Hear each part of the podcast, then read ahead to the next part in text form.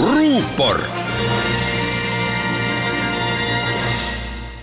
tere, mina olen ajakirjanik Ainar Ruussaar. täna täpselt kümme aastat tagasi, umbes samal õhtupoolikusel ajal jõudsid maailma uudistetoimetustesse peaaegu üheaegselt France Pressi ja Reutersi lakoonilised teated. Liibanonis Beka orus röövisid relvastatud mehed seitse Eestist pärit jalgratturit kahe maailma ühe usaldusväärsema uudisteallika uskumatuna tundunud teates oli viiteks märgitud Liibanoni julgeolekuallikad. teade vastas tõele.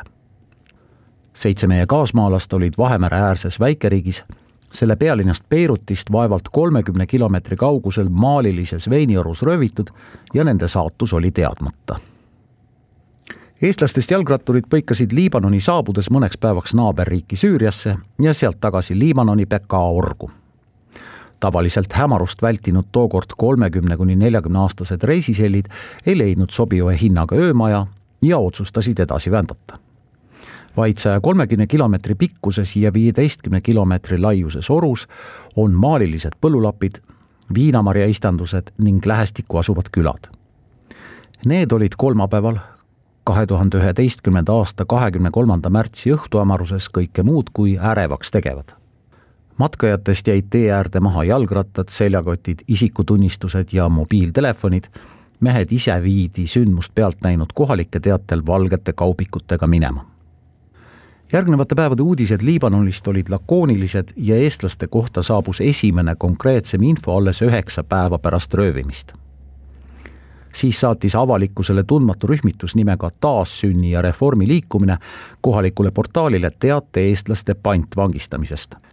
teatele oli tõenduseks lisatud kolme mehe dokumendikoopiad.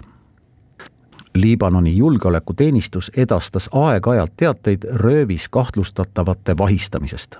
Eesti saatis Liibanoni oma spetsialistid, keda aitasid nende Prantsuse kolleegid. mida eestlaste röövijad nõudsid, oli endiselt ebaselge selgust ei toonud avalikkusele ka kahekümnendal aprillil internetti laetud video, milles röövitud eestlased pöördusid Liibanoni peaministri, Saudi ja Jordaania kuninga ning Prantsusmaa presidendi poole. aidake meid, me oleme raskes olukorras, oli sealt kõlanud sõnum. ei ühtegi viidet lunarahale või poliitilistele nõudmistele. puudus ka viide salvestuse ajale. kaks kuud pärast röövi, mais kaks tuhat üksteist, hakkasid eestlased solidaarsuse märgiks oma vangistatud kaaslastega kandma siin kollaseid linte.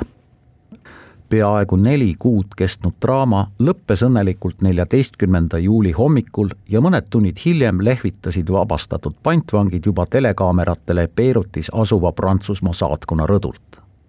järgmisel hommikul olid mehed kodus jaanuaris aasta tagasi mõistis Liibanoni kohus kakskümmend seitse inimest eestlaste röövimises süüdi viis neist said eluaegse. miks ma seda kümne aasta tagust õnnelikult lõppenud seika täna meenutan?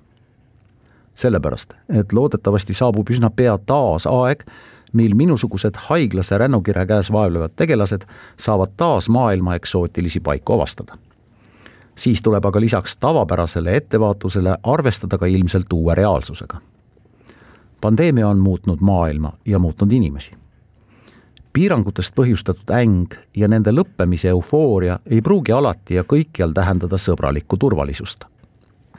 õnnetuste, kurikaelte, äärmuslaste ja lihtsalt mölakate vastu ei ole vaktsiini leiutatud.